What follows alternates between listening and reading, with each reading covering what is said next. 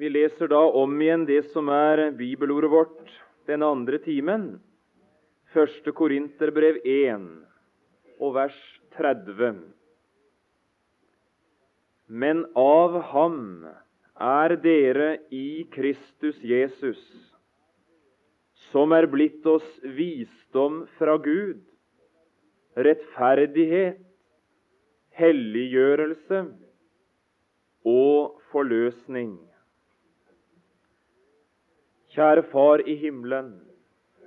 Vi kjenner trang å takke for det budskapet vi allerede har møtt.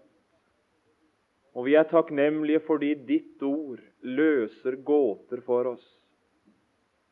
Vi ber Herre Jesus om å få eie den visdom som tenker slik du tenker om tingene. Vil du tilgi oss alle de ganger vi nesten i hovmot tenkte våre egne tanker. Og vil du lære oss, Herre Jesus, å tenke dine tanker og øves i å tenke dem. Gi oss visdoms- og åpenbaringsånd i ordet også nå. Vi ber i Jesu navn om ei nådestund. Amen.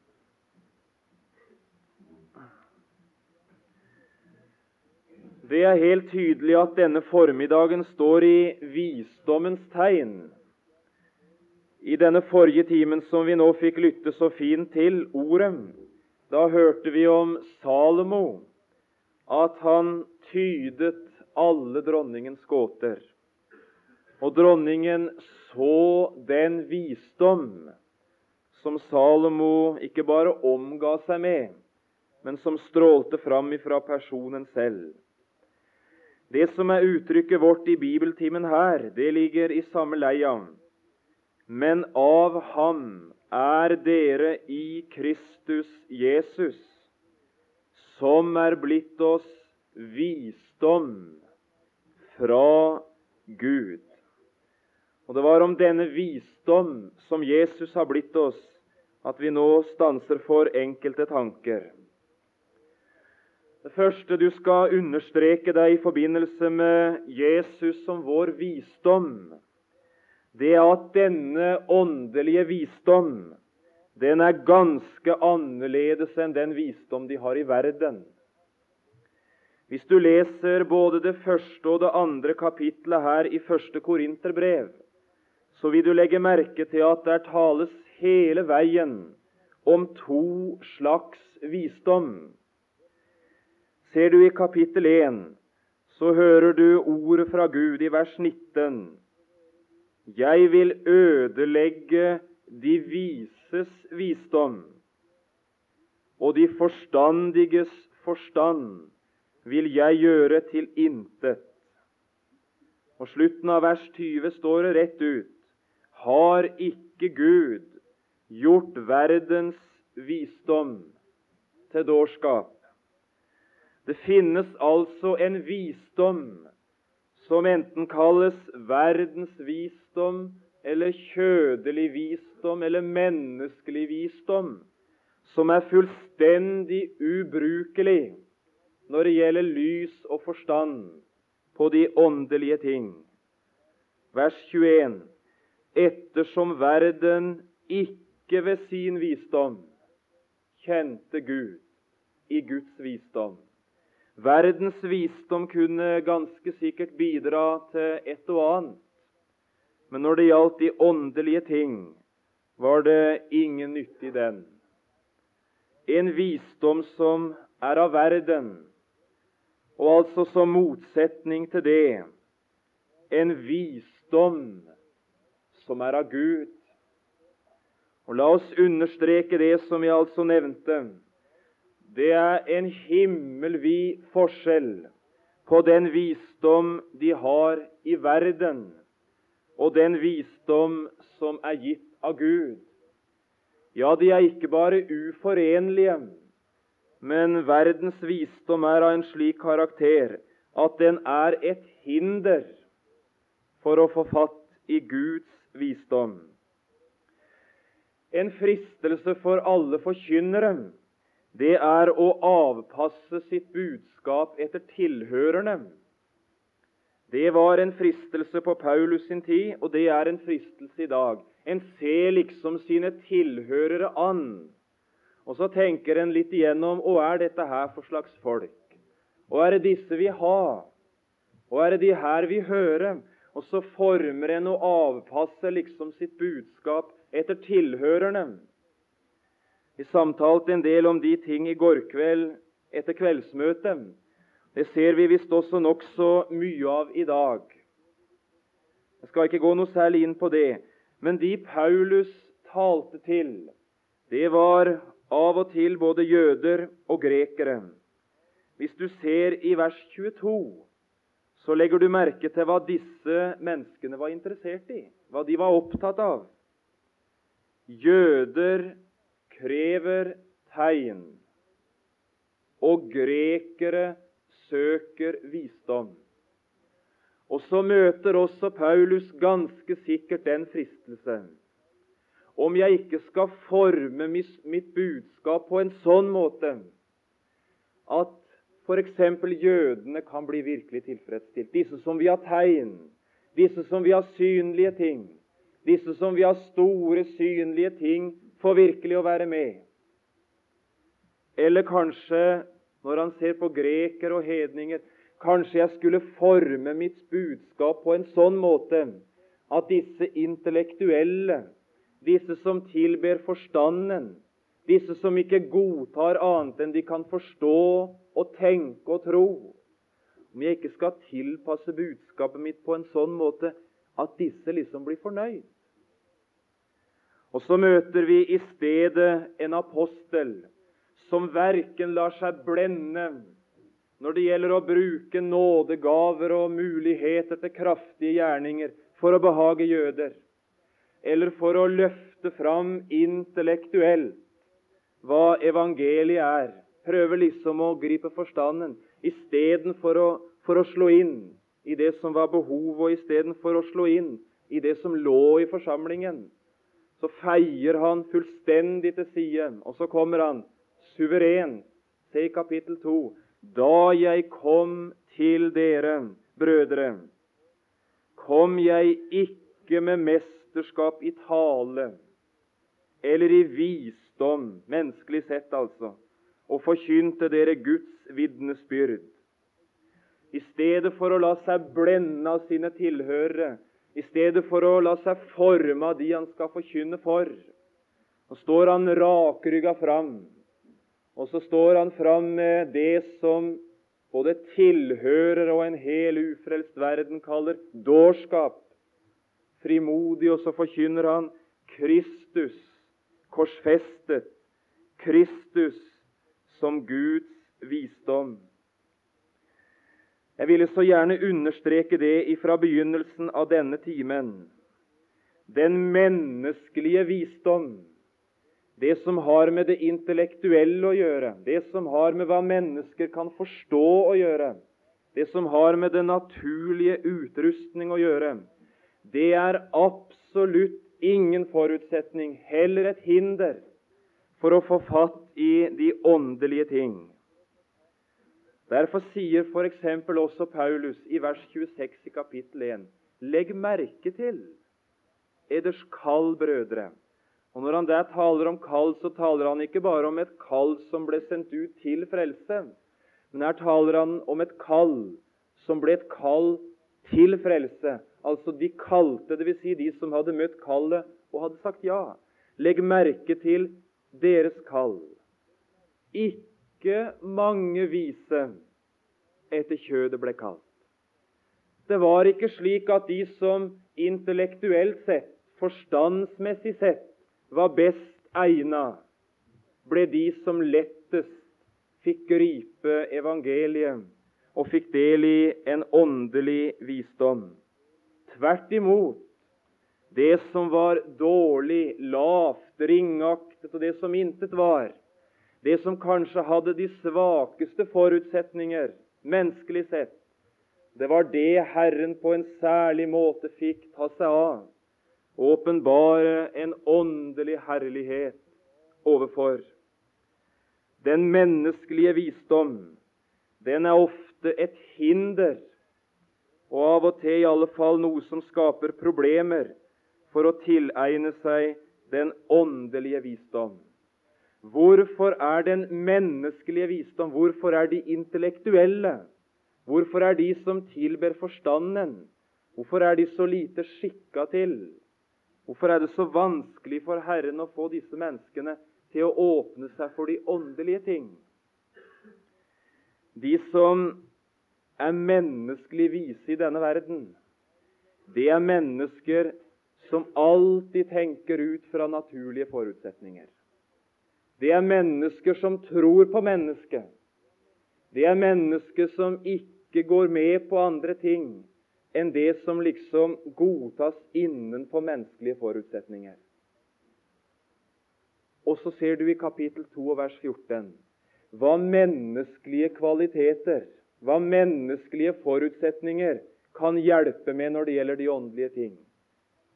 Det naturlige mennesket tar ikke imot det som Guds ånd hører til. Det er ham en dårskap, og han kan ikke kjenne det. Det uttrykket som er brukt eh, i grunnteksta nettopp fordi han kan ikke kjenne det, det ligger akkurat det i det. Han har ikke i seg selv naturlige forutsetninger for å gripe det. Kan ikke. Det, er, det, er ikke, det ligger ikke muligheter i det naturlige for å gripe det åndelige. Han kan ikke kjenne. Kjenne det er det samme som å gjøre erfaring om. Å kjenne de åndelige ting, det er å gjøre erfaring av de åndelige ting. Et naturlig menneske kan ikke, har ikke muligheter for, å gjøre erfaring av de åndelige ting. Derfor er Paulus livende redd for at det skal forveksles det som har med menneskelig visdom, menneskelige forutsetninger, alt som har med mennesket å gjøre. Han er livende redd for at dette der skal ta plassen for det som har med den åndelige visdom, det åndelige lys og den åndelige erkjennelse å gjøre. Ja, av og til så beint fram advarer Paulus de troende. Tenker på et ord som jeg måtte lese i dag til morgenen, i Kolossenserbrevet 2. Der skriver han et advarende ord til sine troende venner. Og hva er det Paulus er redd? Han er redd for mennesker som er ute med menneskelig visdom. Som forsøker å legge menneskelige ting til grunn og vil la det få innflytelse på de åndelige ting. Se i Kolossenserne 2,8. Se til at det ikke må være noen som gjør dere til sitt rov ved verdslig visdom eller tomt bedrag. Paulus kaller altså rett og slett noen for rovdyr. Og hva er deres store fare som blir utsatt for disse? Det er den menneskelige visdom. Den er ofte et hinder og en fare for de som står i en åndelig sammenheng og gjerne vil oppleve å få del i den åndelige visdom.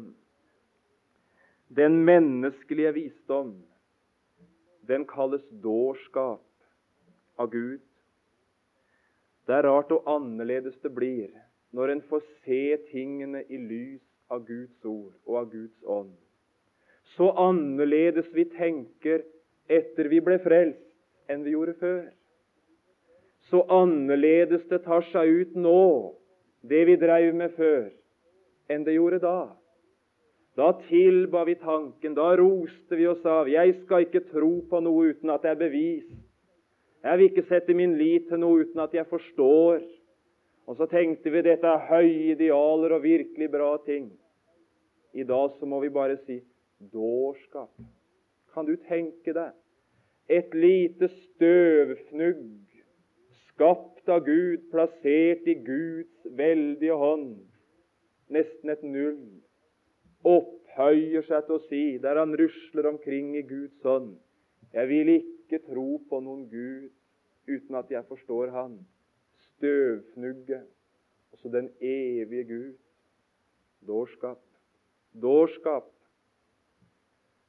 Den menneskelige visdom, den er ikke skikka når det gjelder den åndelige erkjennelsen. Og kunne jeg få si det, at vi, og det må vi jammen si i vår tid, som nesten tilber kunnskap og skoler og utdanning og mennesker som har papirer og eksamener og alt det der. Det er ingen selvfølge hva papir og hva eksamen et menneske har. Det er ingen selvfølge at det er noen garanti for åndelig lys og åndelig erkjennelse. Det må vi være klar over. Det fins mennesker med de beste papirer som ikke har mer åndelig lys enn en søndagsskoleunge. Det er mye menneskelig visdom, men det er lite åndelig lys. Det finnes slike. Og vi skal merke oss Paulus' ord. Den menneskelige visdom, den er noe helt annet enn den åndelige visdom. Og da er vi ved det andre. Hvor må jeg hen for å finne tak i den visdom som er av Gud?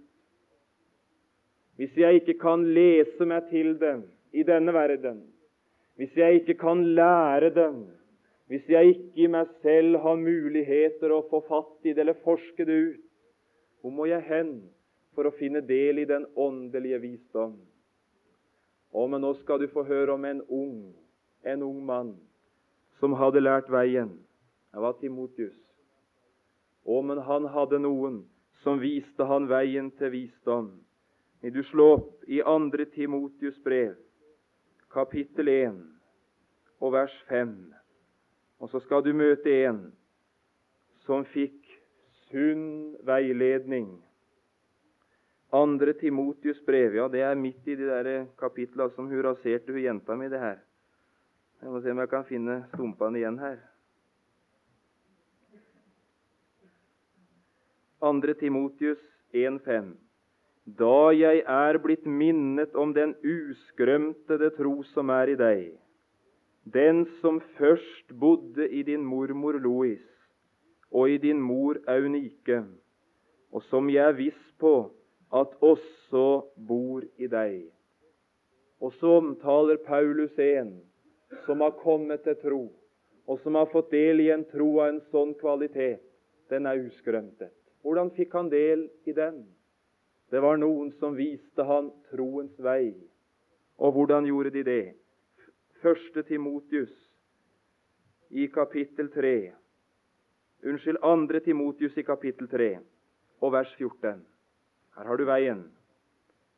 Men bli du i det som du har lært, og som du er blitt overbevist om, da du vet hvem du har lært av. Og så kommer det Da du fra barndommen av kjenner de hellige skrifter, som kan gjøre deg vis til frelse ved troen på Kristus Jesus.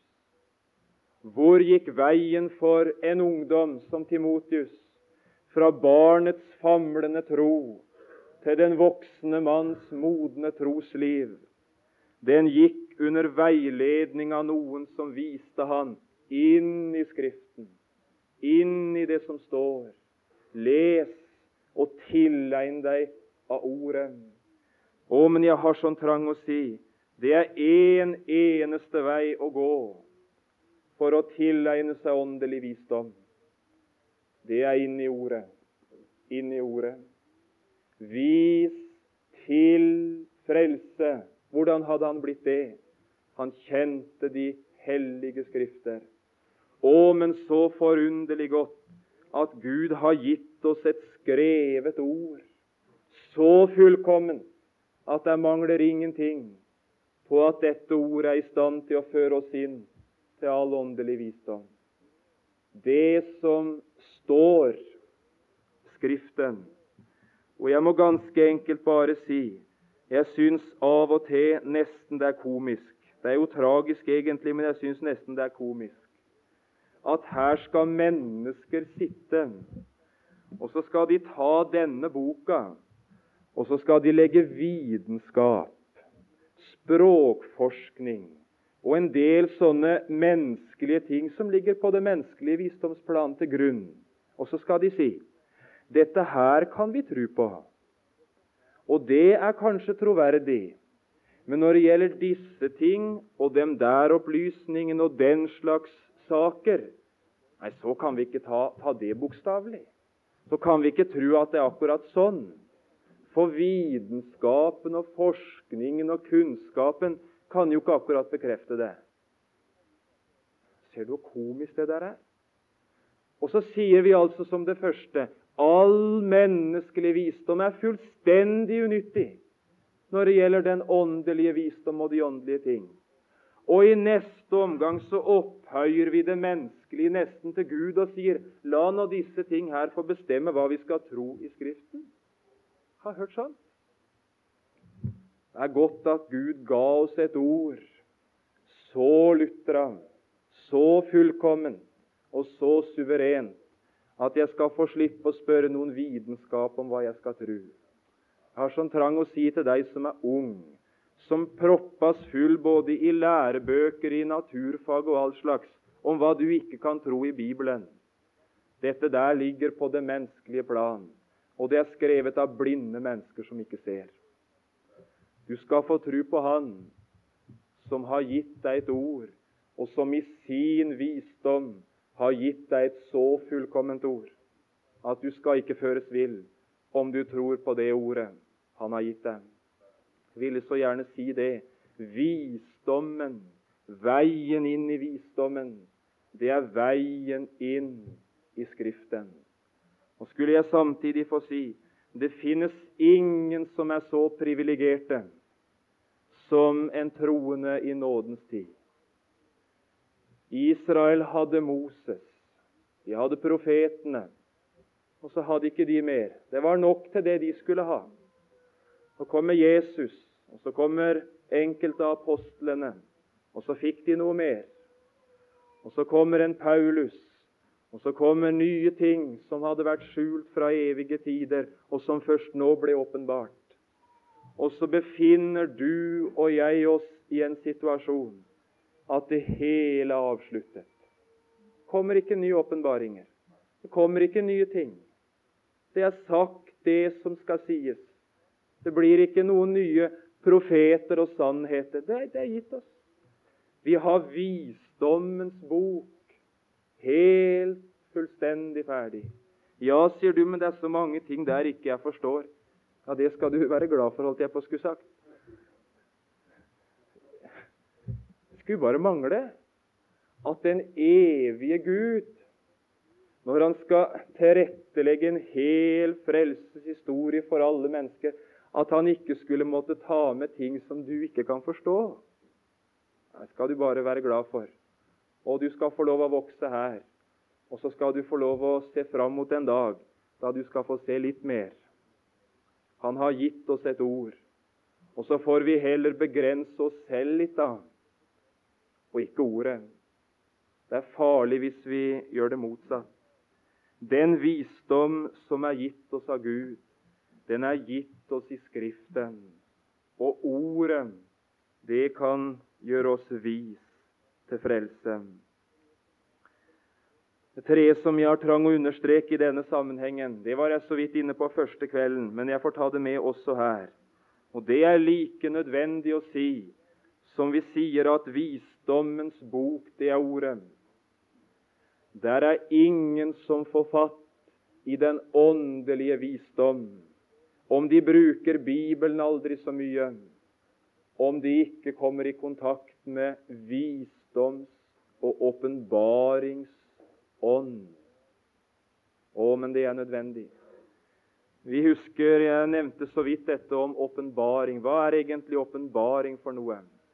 Det er det samme som å avduke eller avdekke, trekke sløret til side, slik at det som var skjult, det nå kan bli åpenbart.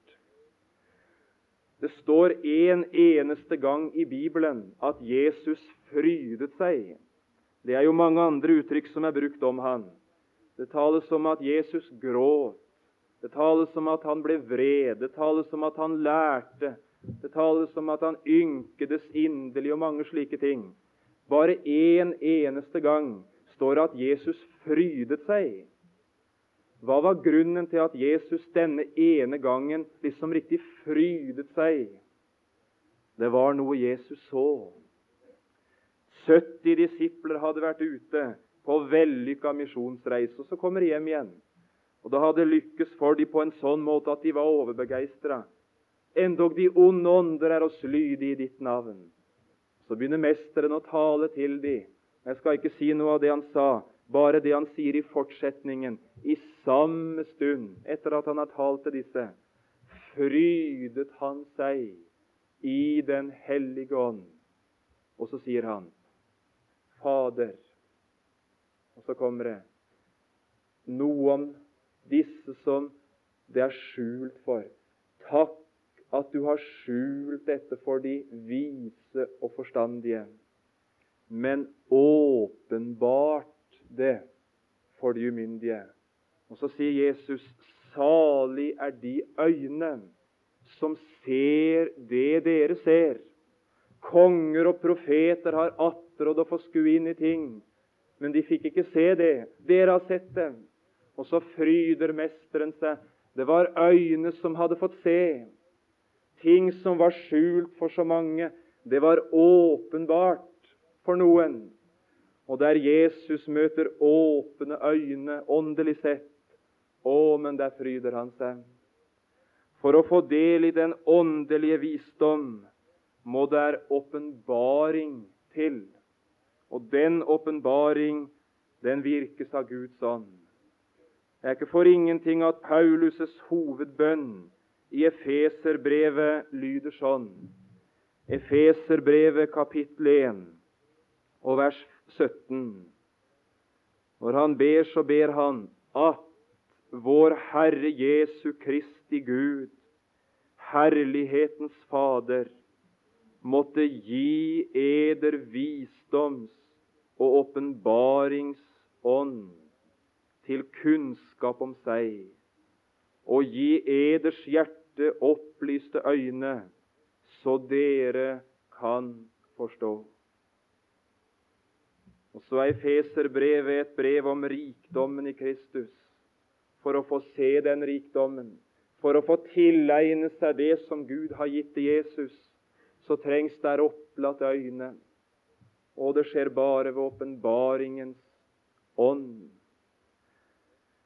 Ja, tenker noen, men da er det jo avhengig av Gud alt sammen, da. Da får jeg bare sitte og vente, jeg, da på at Guds ånd på en måte kommer over meg på en sånn måte at jeg får se. Vi kan jo ikke gjøre noe, vi, da. Hvis, hvis det er Guds ånd som, som gir oss synet, og vi ikke kan gjøre noe. Er det Gud som bestemmer hvem som skal få se, og hvem som ikke skal se? Nei da. Den første kvinne som kom til tro i Europa, heter Lydia. Og Hun leser du om i apostelgjerningene 16. Hun er en illustrasjon på hva du skal sørge for og hva Gud skal sørge for. Paulus kommer til Filippi, ikke sant? og så hører han om noen som samles til et bedested utenfor byporten ned ved elva.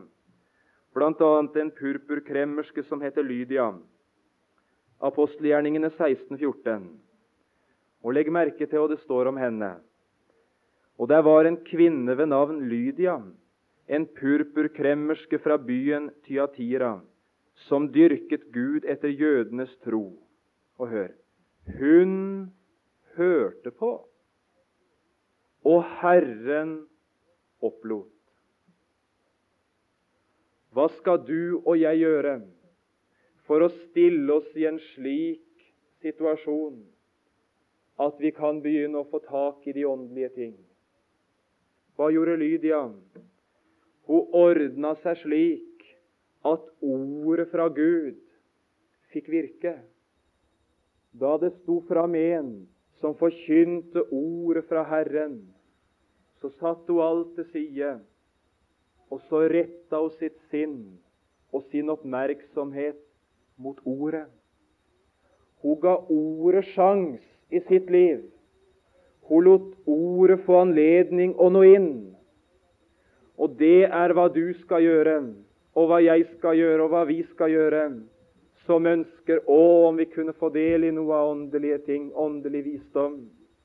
Vi skal stille oss slik at ordet kan få begynne å arbeide med oss. Det er derfor vi er på bibelkurs. Vi har en tillit til ordet.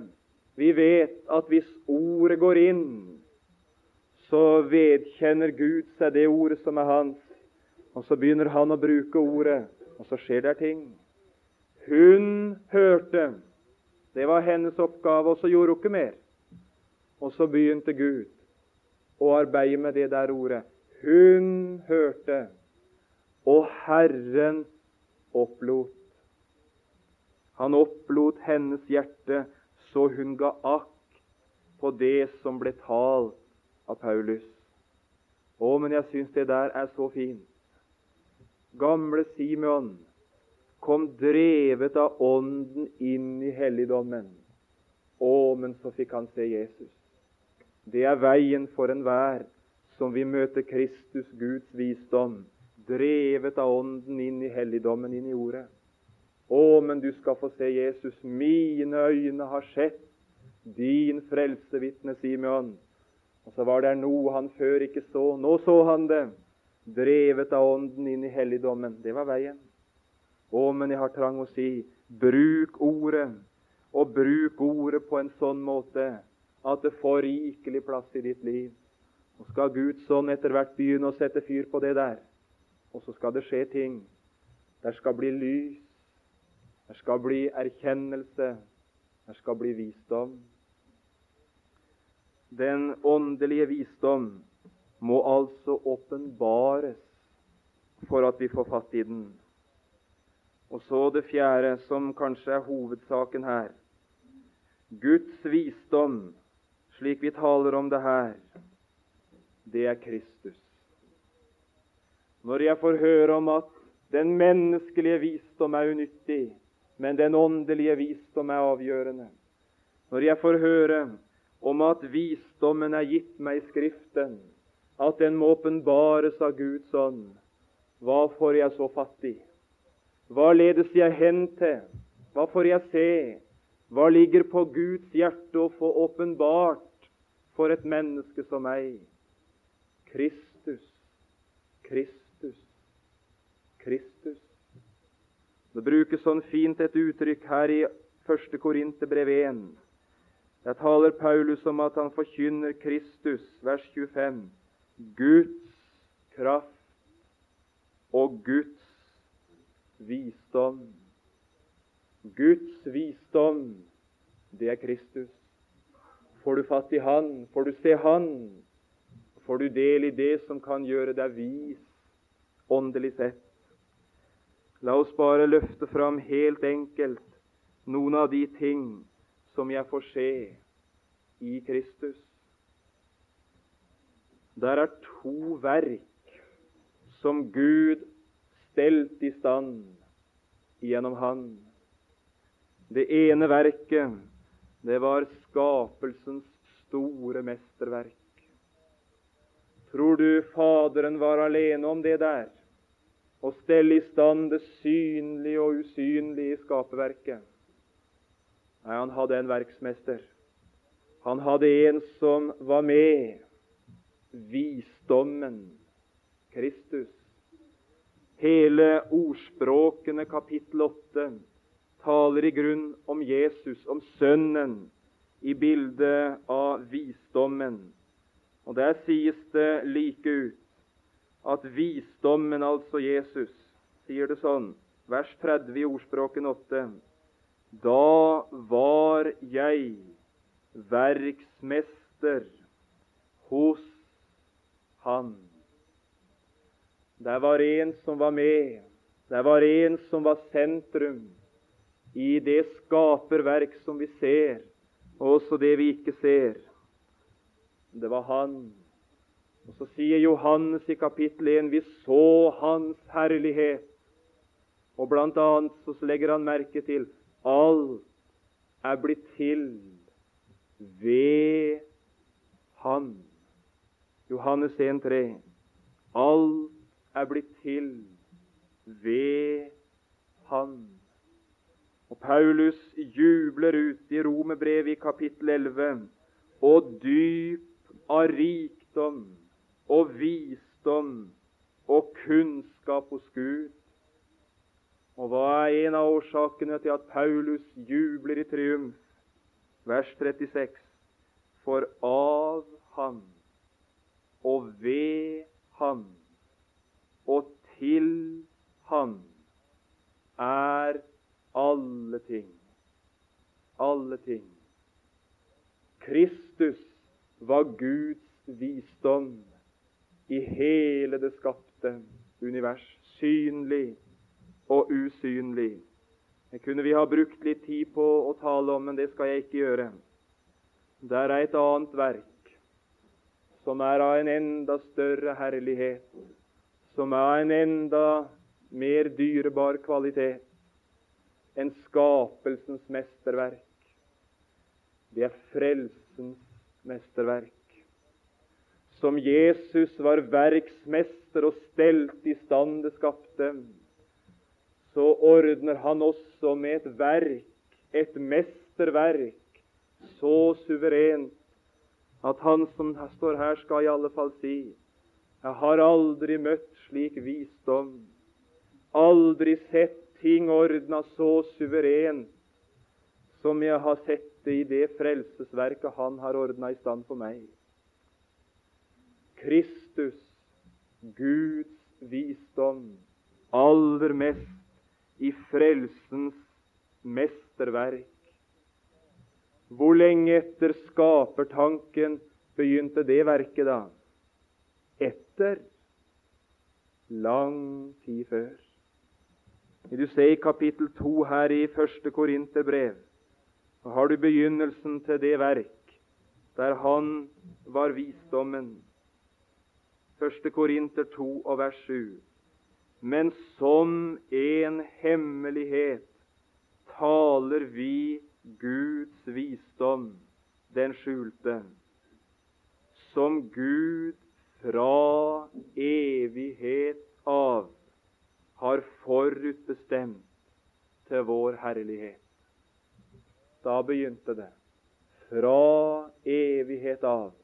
Og Det var lest et ord her på en av timene i går, fra Efeserbrevet 1,4.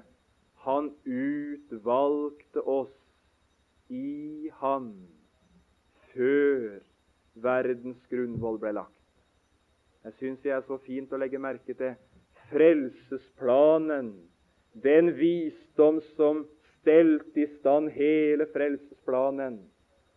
Frelsesplanen den var lagt lenge før skapertanken ble fullbyrda, lenge før fallet var en virkelighet så var frelsesplanen lagt. Kristus er Guds visdom. Og i det frelsesverk også er det visdom å hente. La meg nevne litt. Det frelsesverk som Jesus stelte i stand, det gir meg visdom om Gud. Det lærer meg litt om hvem Han er som heter Herren. Jeg vet ingen som kan åpenbare Herren for meg, slik Jesus kan det. Jeg møter Han ved Sinai. Jeg aner hvem Han er på det fjell der det tordner. Men jeg har enda ikke møtt noen som på en slik måte har vist meg hvem Gud er, som Jesus gjorde det. Å, men jeg har trang å si det er mange som vil ha Gud, men ikke Jesus. Der er ingen som kan forklare Gud som Jesus kan. Den enbårne sønn som er i Faderens skjød, har forklaret ham. Og så ser jeg noe i Jesus som gir meg visdom om Gud. Jeg ser to dimensjoner som det nesten ikke er råd å sette ord på der frelsesverket stelles i stand av Sønnen, så får jeg glimt av en Gud som er hellig, og som jeg syns Guds hellighet stråler fram i Jesus. Vi så den ved Sinai. Vi ante den i lovens husholdning. Ante den mye òg. Men som i Jesus ser vi det aldri. Og som Jesus åpenbarte for oss den hellige Gud, der han i 33 år under all slags fristelse, under all slags muligheter til synd, hele veien visste Herren er en hellig Gud. Jeg er Hans sønn, og disse ting skal ikke inn i vår tilværelse. Hele Jesus syndfrie, reine liv, det er en eneste preken om den hellige Gud. Og aldri møter jeg Han hellig som på Golgata. Det er Han som ikke visste av synd, som ble gjort til synd for oss, der Han stilles naken fram for den hellige Gud, og hvor Esaias sier om han det behaget Herren å knuse ham knuse ham. Den hellige Gud. Vi har mistet det gudsbildet i dag. Og så mange mennesker endog i troende forsamlinger som ikke aner noe om hva den hellige Gud betyr. Kjære troende venn, den Gud som er vår Gud, han er den hellige Gud. Det skal du aldri glemme. Og er du i tvil om hvor du ser det, så se hen til korset. Tror du det var for eksempelfortelling eller for et eller annet slags billig argument at sønnen ble knust under Guds vrede? Nei, nei. Det var for at det som heter Guds hellige rettferdighet over synd, ikke skulle ramme deg. Herren er hellig, og jeg ser det aldri så klart som i Jesus. Og så har han vist meg der finnes en mulighet å kunne møte denne hellige Gud, endog om jeg er en synder, uten å skulle gå fortapt. Herlige visdom, den hellige Gud. Og så klinger der en tone sammen med den hellige Gud. Det er den Gud som er kjærlighet. Og her er jeg ved bredden av et hav som, som jeg aner ikke dybden av. Har du noensinne tenkt hva måtte denne Gud se i deg? Hva måtte han se i deg som gjorde at han kunne sende sin eneste sønn og knuse han under sin vrede? Hvorfor, Gud? Og hva er det for noe med meg, og hva er det for noe med oss fattige stømpere som kunne bety noe for deg på en sånn måte at du kunne gi alt? Jeg har intet svar annet enn at Gud er kjærlighet. Og for den kjærlige Far så er det ingen umistelige. Der er ingen som er til overs husker på et bibelkurs Bernt Røiseland brukte et bilde Nei, Ole Røiseland unnskyld, brukte et bilde. Og Han talte om Mona Lisa, dette maleriet nede i Louvre. Skildra hvor stort det var, hvor dyrebart det var, og hvor forsikra det var. Og Så går han i neste øyeblikk over til å skildre alle reproduksjonene, like fint ettergjort som originalen omtrent, og ingen av oss ville se forskjell.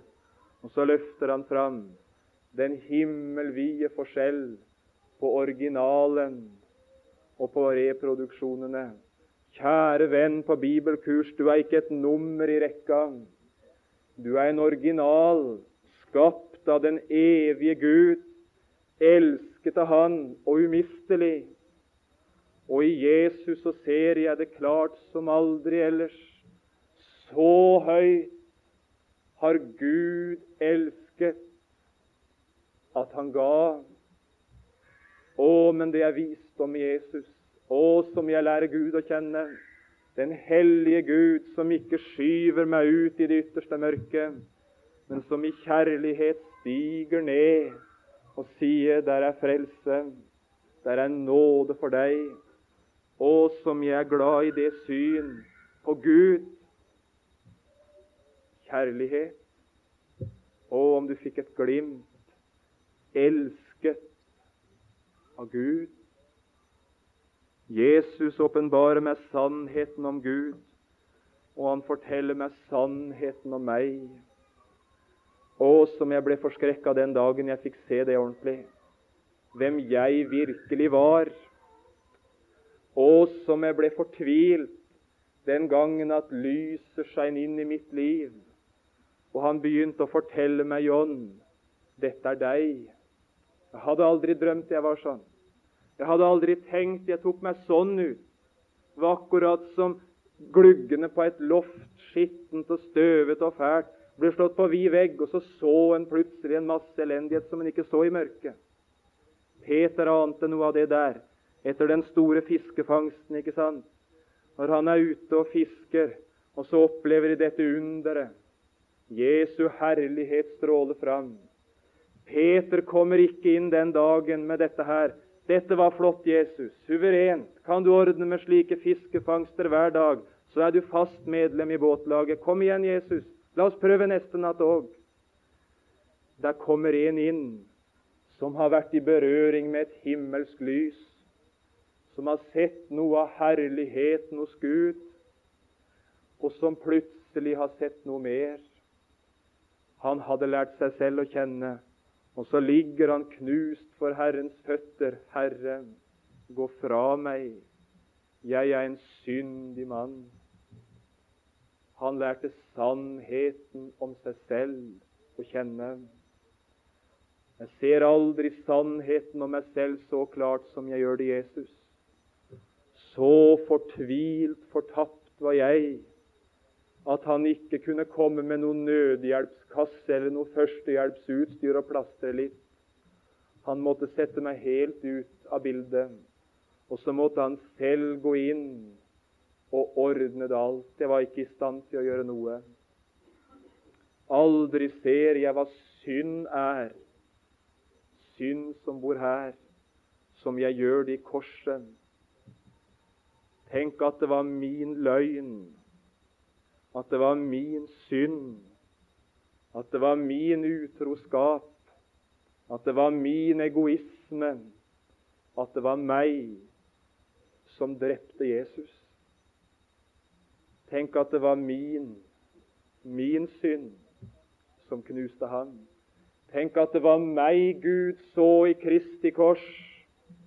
At det var mitt liv han så den dagen at det var så alvorlig fatt med meg at han måtte knuse en for at jeg overhodet skulle ha muligheter å bli frelst. Kristus, Guds visdom. Her ser jeg sannheten om meg selv. Du som ikke har sett sannheten om deg selv, du skal gå tett inn til Jesus. Du skal stille deg under korset, og så skal du be om å få se hva der skjer. Det er sannheten om deg du møter. Hva Gud tenker om deg. Og det siste, så jeg får slutte med her I korset, i Jesus, så ser jeg en sannhet. Jeg møter en visdom som er umistelig for meg. Ikke bare sannheten om Gud, ikke bare sannheten om meg, elendige menneske, men sannheten om en fullbrakt frelse og dyp av visdom, av rikdom hos Gud. Hva øyet ikke så, nei, hva øret ikke hørte, hva ikke oppkom i noe menneskes hjerte, det var hva han hadde stelt i stand, og hva han ordnet i sin sønn for den som elsket ham. Det sprang noe i livets kilde vel. Det vellet noe fram som ble til liv og for mange. I korset, i Jesus, så ser jeg sannheten om frelsens store verk. Og Vi kunne ha sagt mye om det. Jeg skal bare sammenfattende si det sånn nå til sist. Du skal få høre stille og enkelt hvordan Han steller i stand frelsens verk for deg. Og Særlig du som er ung, hadde jeg lyst til å si det så enkelt som jeg kunne. Hva var din situasjon som ufrelst? Ja, Det sier Lukas oss. Han kom for å søke å frelse, altså Jesus, det som var fortapt. Det var meg. Fortapt, hva betydde det? Det betydde at Guds dødsdom, slik vi hørte det i forrige time, den hang bokstavelig talt over mitt liv, og jeg visste ikke når den kunne komme. Skulle Jesus kunne frelse meg, skulle han kunne redde meg, så måtte han gjøre noe med den der dommen, ikke sant? Han måtte få meg ut av den forferdelige situasjonen en dødsdømt er i når det er ingen vei utenom. Og så var det bare én måte å gjøre det på. Det var ved selv å gå inn under dommen. Så blir han et menneske som meg, et legeme laget du for meg. Så ble han sine brødre lik, sant menneske. Bare et menneske kan dø for et menneske. Og så lever han for det andre et menneskeliv så ulikt oss. Her var det synd, elendighet. Der var det renhet, fullkommenhet og godhet. Vet du hva jeg ser i hans liv? Her ser jeg en som levde mitt liv om igjen, og som jeg har bruk for å se på Jesu liv når jeg er fortvilt over mitt eget liv, og som jeg har bruk for å se på hans rettferdighet når jeg sliter med min egen urettferdighet. Guds visdom, det var Han som ble menneske for din skyld.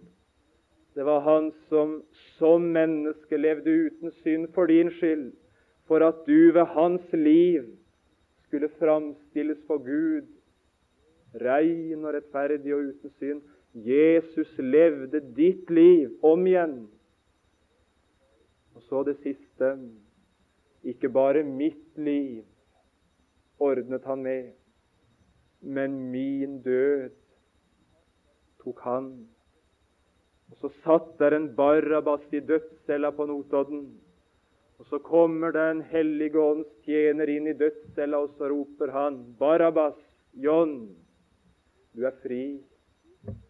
Du er fri. Lytt til ropet. Bort med denne. Gi oss Barabas fri. Og så løstes det lenker på Notodden. Og så var det en som hadde fortjent døden som fikk gå ut av ei dødscelle og endelig se mot himmelen, den var åpen. Fri, fordi det var en som gjorde min død til sin død. Gjorde min straff til sin straff. Og som jeg ser for meg Barabas ved Golgata, her han betrakter en mann spikra fast til et kors, så vet han det. Det var min plass. Det var min dom. Det var min straff. Det var meg det skulle ha vært, men det var han det ble. Hans død er mitt liv. Visdom, visdom, visdom. I Jesus ser jeg et fullbrakt verk. Det er i orden. Kjære venn som er på bibeltimen nå i formiddag. Jeg hadde sånn trang å si denne visdom, den er stelt i stand og vist for at du skulle bli frelst. Har du opplevd det? Kjære Jesus, vil du hjelpe oss med dette vi nå har stansa for? Når vi er ute i det verket vi ser som er skapt, synlig og usynlig, så overveldes vi til tider av skjønnhet, av prakt, av storhet og av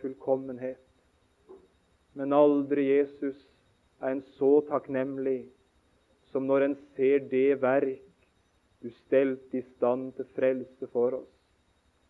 Takk for den visdom som ikke er teori, men som er handling, som er verk, og som er en virkelighet. Takk for alle som er vise til frelse i denne forsamling. Og vi ber deg for bygda her og for alle mennesker i landet vårt som er ufrelst. Og om de fikk komme i kontakt med innflytelser som kunne gi dem visdom og lys, at de kunne bli frelst. Herre Jesus, takk for ditt verk. Takk for din død. Takk for alt du gjorde for oss. Amen.